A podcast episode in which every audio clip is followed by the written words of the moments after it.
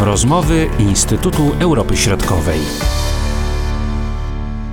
Witam Państwa w rozmowach Instytutu Europy Środkowej. Przed mikrofonami Marcin Superczyński, a ze mną jest dzisiaj kierownik Zespołu Bałkańskiego Instytutu Konrad Pawłowski. Witam Cię, Konradzie. Dzień dobry. Jesteśmy, można powiedzieć, świeżo po spotkaniach i tych wstępnych porozumieniach pomiędzy Serbią a Kosowem. Jakie mogą być efekty tych rozmów, czy w końcu Serbia uzna niepodległość Kosowa, czy do tego jeszcze jest daleko? Wydaje się, że już jest bardzo blisko, bo porozumienie, które było przedstawione we wrześniu i do 27 lutego formalnie ono nie było udostępnione, nie było upublicznione, to porozumienie jest takim e, porozumieniem, które zakłada pełną normalizację. Nie pełne uznanie, ale pełną normalizację. Jest to porozumienie o podstawach normalizacji relacji między Serbią i Kosowem i w istocie to porozumienie taką normalizację zakłada. Ono przypomina klasyczną umowę międzynarodową, język prawny porozumienia odzwierciedla wiele tradycyjnych pojęć y, dotyczących y, y, na gruncie prawa międzynarodowego regulujących relacje między państwami.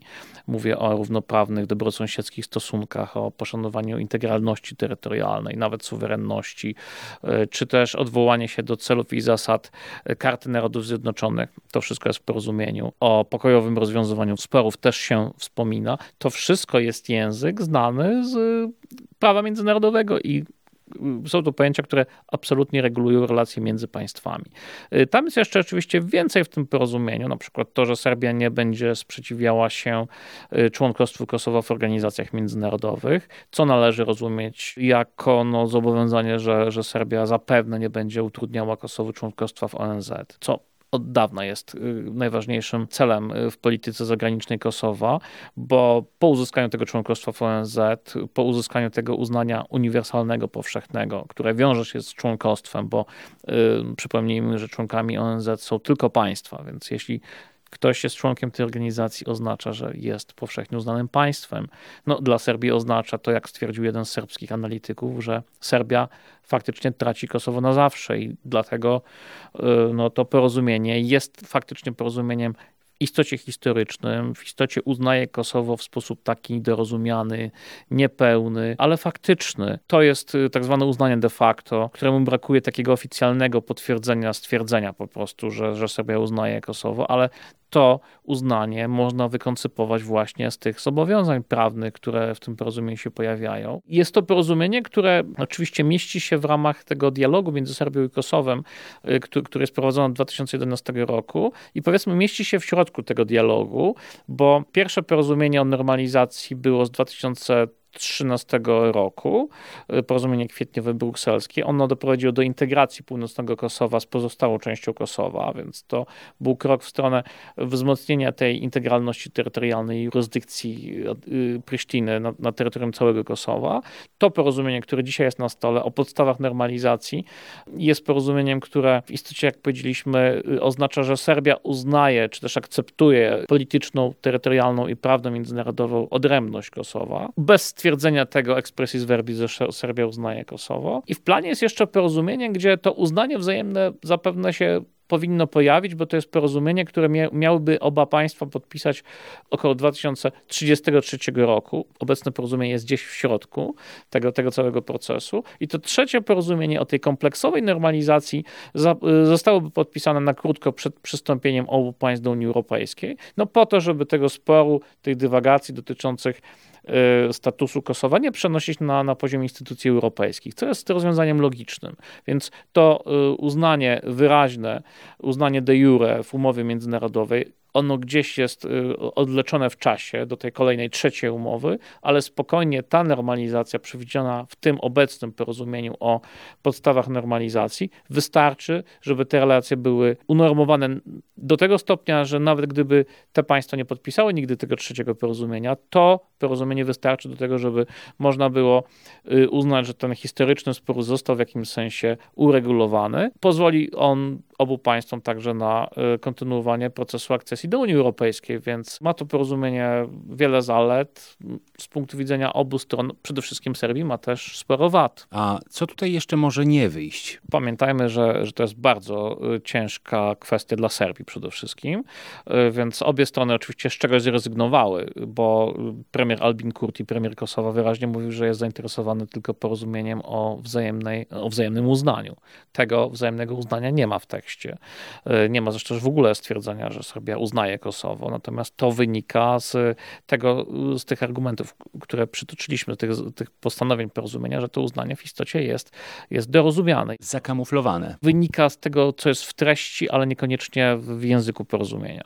Natomiast co się może nie udać? No pamiętajmy, że to porozumienie w zasadzie jest już przyjęte, jak wskazywał Josep Borrell i nikt nie protestował. Strony już nie, o nim nie rozmawiają, więc to oznacza, że ono jest zaakceptowane, natomiast rozmawiają o aneksie, który jest, który jest integralną częścią porozumienia. Ten aneks jest w istocie być może w tym, w tym momencie jest ważniejszy, bo on przewiduje co się stanie i kiedy, więc ma tą perspektywę czasową. Zresztą ona jest dość krótka, bo maksymalnie 150 dni od podpisania porozumienia te rzeczy, które tam są wynegocjowane, mają wejść w życie. Jedną z, z kwestii, która jest zakamuflowana, ale też jest w porozumieniu, jest powrót do niezrealizowanego y, zobowiązania dotyczącego utworzenia stowarzyszenia czy też wspólnoty gmin serbskich. Premier Kurti, kiedy był w opozycji, wyraźnie się temu sprzeciwiał, protestował. Nawet doprowadził w 2015 roku do, do tego, że posłowie w Edwendosie rzucali y, granatami gazowymi w czasie sesji parlamentu Kosowa. To była manifestacja sprzeciwu. Potem Trybunał Konstytucyjny Kosowa uznał, że porozumienie dotyczące zasad implementacji z 2015 roku, zasad implementacji tego porozumienia z 2013 roku, gdzie jednym z elementów było utworzenie tego stowarzyszenia gmin serbskich, że to porozumienie z 2015 roku, ale pewnie też i to z 2013, że one naruszają w tym aspekcie, w kwestii stowarzyszenia gmin serbskich naruszają postanowienie Konstytucji Kosowa. Więc Wedwendosje Kurty wyraźnie się przyczynili do tego, że Trybunał Konstytucyjny zajął się tą kwestią i stwierdził, że y, takie stowarzyszenie oparte na kryteriach etnicznych godzi, y, no, narusza niektóre zobowiązania Kosowa, czyli nie mieści się y, w tym wieloetnicznym, formalnym duchu Konstytucji Kosowa, więc Albin Kurti przyczynił się do tego, żeby jeden z najważniejszych, no, no powiedzmy, elementów porozumienia z 2013 roku, Y, no nie został zrealizowany do dzisiaj. I Serbia mówi wyraźnie, że nie ma żadnego podpisania bez powrotu do kwestii stowarzyszenia gmin serbskich.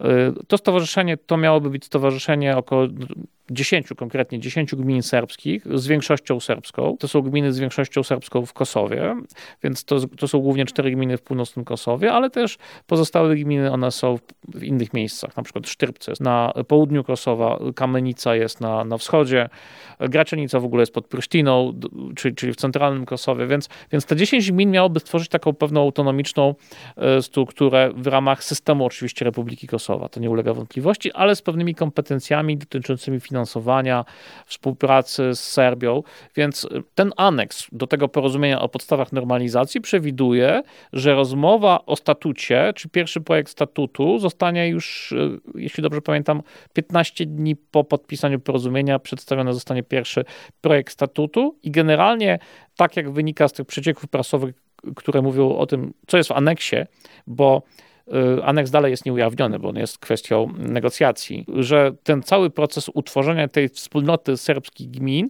miałby się zakończyć w 150 dni od czasu podpisania porozumienia. A ponieważ niektóre wypowiedzi y, wskazują, że do takiego podpisania porozumienia głównego y, o, tych, o tej podstawie normalizacji mogłoby dojść pewnie 18 marca e, w Macedonii Północnej w czasie wizyty przedstawiciela Unii Europejskiej do spraw dialogu Mirosława Lajczaka e, właśnie, właśnie w Skopie, gdzie Kurti i Vucic mogliby się spotkać i podpisać to porozumienie, to teoretycznie gdyby tak się stało, to w sierpień, wrzesień pewnie moglibyśmy się spodziewać, że ta wspólnota powstanie. Więc to jest taki optymistyczny scenariusz. Natomiast co się może nie udać? No na pewno, czy rzeczywiście zostanie podpisane porozumienie, Wydaje się, że tak. Ta presja Zachodu, państw Unii Europejskiej, Francji, Niemiec, y, no, instytucji europejskich formalnie reprezentowanych przez Józefa Borrella i Mirosława Lajczaka, powiedzmy to zachęcanie do podpisania. No i wydaje mi się przede wszystkim naciski amerykańskie. Dyplomacja amerykańska jest wyraźnie zdeterminowana, żeby dopiąć tą kwestię, żeby to porozumienie zostało podpisane. Zachodu nie stać na drugą wojnę w Europie w sytuacji, kiedy trwa agresja rosyjska na Ukrainę. Absolutnie Amerykanie są zdeterminowani, żeby, żeby to porozumienie zostało podpisane, ale być może najważniejszą rzeczą, która się może nie udać, jest implementacja. W ramach tego dialogu podpisano ponad 30 różnych porozumień. Jeśli podliczymy takie porozumienia ustne, to ich nawet będzie więcej, ale większość z nich, część zrealizowana w części, niektórych w ogóle nie zrealizowano, tych postanowień. Więc problemem jest implementacja. Problemem nawet nie jest podpisanie, tylko jak to będzie dalej implementowane, co to będzie w praktyce oznaczało. Czy y, na przykład, jeżeli nawet Serbia nie będzie blokowała członkostwa Kosowa w ONZ, co zrobią Chiny i Rosja, bo przecież, żeby stać się członkiem ONZ-u, trzeba uzyskać rekomendację Rady Bezpieczeństwa ONZ. A tam oczywiście jest Rosja, która jest zainteresowana dalej, żeby tą kosowską kartą, tym kryzysem kosowskim rozgrywa, rozgrywać kwestie ważne dla Rosji.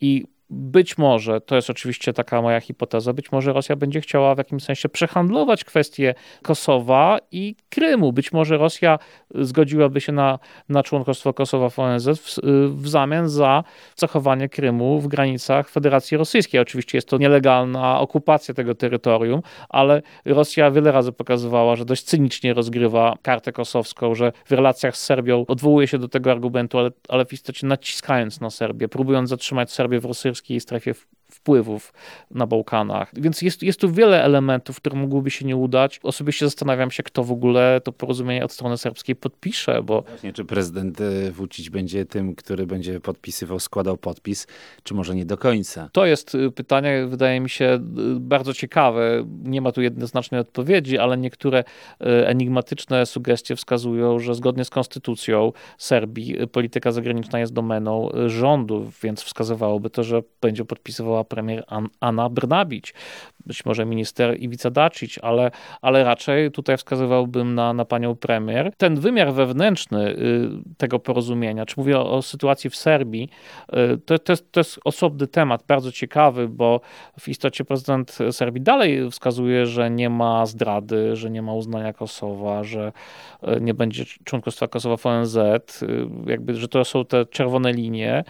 Y, no i w istocie w porozumieniu tego nie ma, natomiast jakby efektem porozumienia właśnie będzie członkostwo Kosowa w ONZ i w istocie to, o czym dzisiaj mówią wszyscy komentatorzy, jest to jednak faktyczne uznanie y, warunkowe, może niepełne, y, ale jednak uznanie pewnej rzeczywistości międzynarodowej dotyczącej tego, że, że Kosowo funkcjonuje odrębnie od Serbii. Ale ja, ja chciałbym podkreślić, że to jest absolutnie kwestia wrażliwa, że, że z punktu widzenia historii, tradycji, kultury, polityki serbskiej, zgoda na odejście Kosowa jest no, czymś bardzo traumatycznym. To jest bardzo ważna kwestia dla Serbów i to też trzeba y, podkreślić i zrozumieć. Wydaje mi się, że to zrozumienie zresztą dla wrażliwości tej kwestii w Serbii jest dzisiaj obecne, że, że administracja amerykańska wyraźnie widzi, zresztą wypowiedzi ambasadora Christophera Hilla, który wrócił z ambasadorskiej emerytury po to, żeby na Bałkanach dokończyć kwestię porozumienia między Kosowem i Serbią. To pokazuje. Był ambasador Stanów Zjednoczonych w Polsce między innymi. Tak, ale wcześniej jeszcze w Macedonii, więc specjalista od kwestii bałkańskich.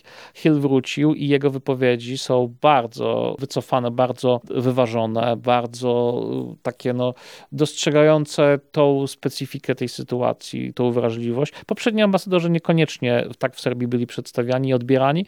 Hilla dzisiaj w mojej ocenie odbiera się bardzo pozytywnie, y, jak, y, dostrzegając pewne zrozumienie do, dla, dla tych argumentów y, od, od, strony, od strony amerykańskiej. Natomiast jednak no, polityka amerykańska się nie zmieniła. Amerykanie uznają Kosowo za suwerenne państwo i dążą do tego, żeby Serbia to porozumienie podpisała, ale też naciskali na stronę kosowską, żeby odejść od tych maksymalistycznych roszczeń. Do dzisiaj Albin Kurti mówił, że interesuje go tylko porozumienie o wzajemnym uznaniu, o czym mówiliśmy, i interesuje go porozumienie bez tej bez tego Stowarzyszenia Gmin Serbskich. Kurti mówił, że jest to, będzie to nowa Republika Serbska w Kosowie, że to jest sprzeczne z konstytucją, że on się nigdy nie zgodzi na stowarzyszenie monoetniczne. A jednak.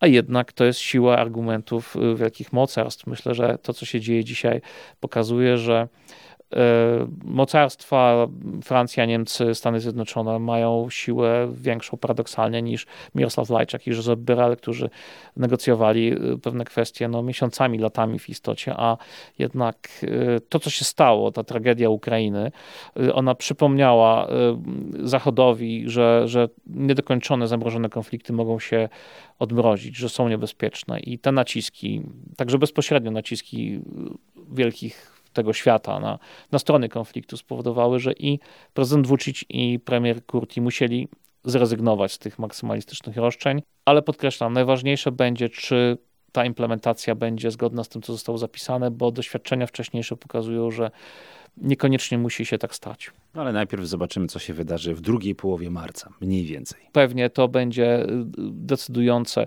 Ta strategia, która była strategią Serbii do dzisiaj, żeby odwlekać maksymalnie moment podpisania porozumienia, trochę zgodnie z zasadą, że ruch jest wszystkim, cel jest niczym, to już się skończyło. To widać, że y, prezydent Vucic nie może już grać na czas, że po prostu oczekuje się od niego podpisania tego porozumienia. I zresztą Vucic wyraźnie wskazuje, że konflikt, agresja Rosji na Ukrainę spowodowała, że te naciski na, na Serbię, żeby to porozumienie podpisać, po prostu się zwiększyły. E, I e, jest jedna ciekawa rzecz, e, na którą na koniec chciałbym zwrócić uwagę. Prezydent Vucic mówi, że niepodpisanie porozumienia oznaczałoby pewną formę sankcji, na przykład zamrożenie procesu integracji Serbii, czy zamrożenie procesu akcesji Serbii do Unii Europejskiej, wycofanie jakichś inwestycji zachodnich, czy, czy zamrożenie tych inwestycji, co odbiłoby się na rozwoju gospodarczym państwa. Włóczyć wyraźnie y, wskazuje, że to jest ten kierunek jego polityki, ten rozwój, dobrobyt, złota era zresztą o tym się tak mówi. Y, to jest ten cel rozwoju gospodarczego państwa jest absolutnie jednym z jego takich wyborczych sloganów i on, to, i on stara się to realizować. Natomiast gdyby trochę tutaj odzywa się we mnie prawnik. Gdyby porozumienie było podpisane pod presją międzynarodową, pod przymusem, to zgodnie z konwencją wiedeńską o prawie traktatów 1969 roku byłaby to przesłanka bezwzględnej nieważności umowy międzynarodowej. Więc y, wydaje mi się, że jednak te zarzuty, które y, gdzieś tam się formułuje, że jest to porozumienie pod taką presją, że ta presja oczywiście jest, no pewnie nie aż taka, jak y, stara się Belgrad to przedstawić społeczeństwu serbskiemu. Natomiast niewątpliwie jest to pewnie też prawda, że jeżeli Serbia przegapi taki moment historyczny, który y, y, oznaczałby, że, że się nie pomyli i nie stanie po niewłaściwej stronie muru berlińskiego, jak to niektórzy przedstawiają poetycko, że, że stanie po stronie no, wolnego świata, zasad demokratycznych i w istocie stanie się częścią Zachodu. Ten kierunek widać, że, że on się dzieje. Jest to w pewnym procesie, y, widać pogorszenie relacji z Rosją, ale to jest pewien dylemat, tak? Czy inwestycje, ten rozwój cywilizacyjny także, o którym mówi prezydent Vucic, czy to jest ta cena, żeby oficjalnie uznać yy, niepodległość Kosowa? Bo czym innym jest akceptacja tego, że Kosowo jest niezależne od Serbii, obiektywnie. Myślę, że większość Serbów by się z tym zgodziła. Taka milcząca akceptacja, że, że tak jest, a czym innym jest formalno-prawne uznanie tego w postaci właśnie umowy międzynarodowej. Czyli no, większość Serbów pewnie, badania statystyczne pokazują, że większość Serbów, gdyby mieli taką propozycję, że przyspieszone członkostwo do Unii Europejskiej w zamian za uznanie, to jednak wybierają status quo, czyli no, nie wymieniliby Kosowa za członkostwo w Unii Europejskiej, mówiąc tak bardzo, bardzo w prosty sposób. Niewątpliwie y, prezydent Vucic ma olbrzymi problem dzisiaj, jaką decyzję podjąć. Zastanawia się nad tym, jak zapamięta historia Serbii, bo Ostatnio pojawiły się memy, że prezydent jest takim wilkiem w dyplomacji, że jest włókiem, który, który y, no, broni interesu państwa. To wyraźnie Serbska Partia Postępowa jest wyraźnie jakby taką narrację nadaje temu, co się dzieje. Y, natomiast no, można być włókiem, a można być też włókiem Brankowiciem, jak y, opozycja serbska by pewnie niektóre rzeczy widziała, bo no, opozycja zarzuca, że jest to jakaś tam forma zdrady interesów narodowych, ale opozycja ma tu łatwiej. Ja myślę, że ja tutaj stanę po stronie prezydenta Vucicia.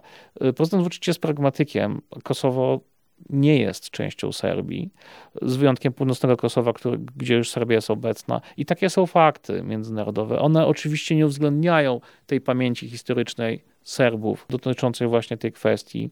Natomiast no, takie są fakty międzynarodowe i nie będzie wojny o Kosowo. Zresztą Vucic mówił o tym wyraźnie, że nie ma możliwości, no nie, nie ma planów i nie ma możliwości rozstrzygnięcia tego konfliktu na drodze militarnej. Jakieś uwagi, że Rosja może militarnie pomóc e, Serbii, które się pojawiają ze strony, e, ze strony Rosji, powiedzmy polityków e, rosyjskich, to, to, to są no, niepoważne uwagi. One mają wzmocnić oczywiście poparcie dla Rosji w, ram, w Serbii, ale, ale nie ma możliwości, żeby Rosja pomogła Serbii militarnie. Pamiętajmy, że w Kosowie jest NATO. Ponad 3800 żołnierzy NATO, którzy pilnują porządku i bezpieczeństwa. Nie ma możliwości rozstrzygnięcia konfliktu na drodze militarnej. Ponad 60% handlu międzynarodowego Serbii to jest handel z Unią Europejską. I tutaj stawiamy kropkę. Pragmatyzm, realpolitik, ale oczywiście w jakimś sensie historyczna decyzja i być może nawet y, osobisty dramat liderów serbskich, którzy będą taką decyzję zapewne musieli podjąć. Dziękuję. Konrad Pawłowski. Dziękuję bardzo. I Marcin Superczyński. Do usłyszenia.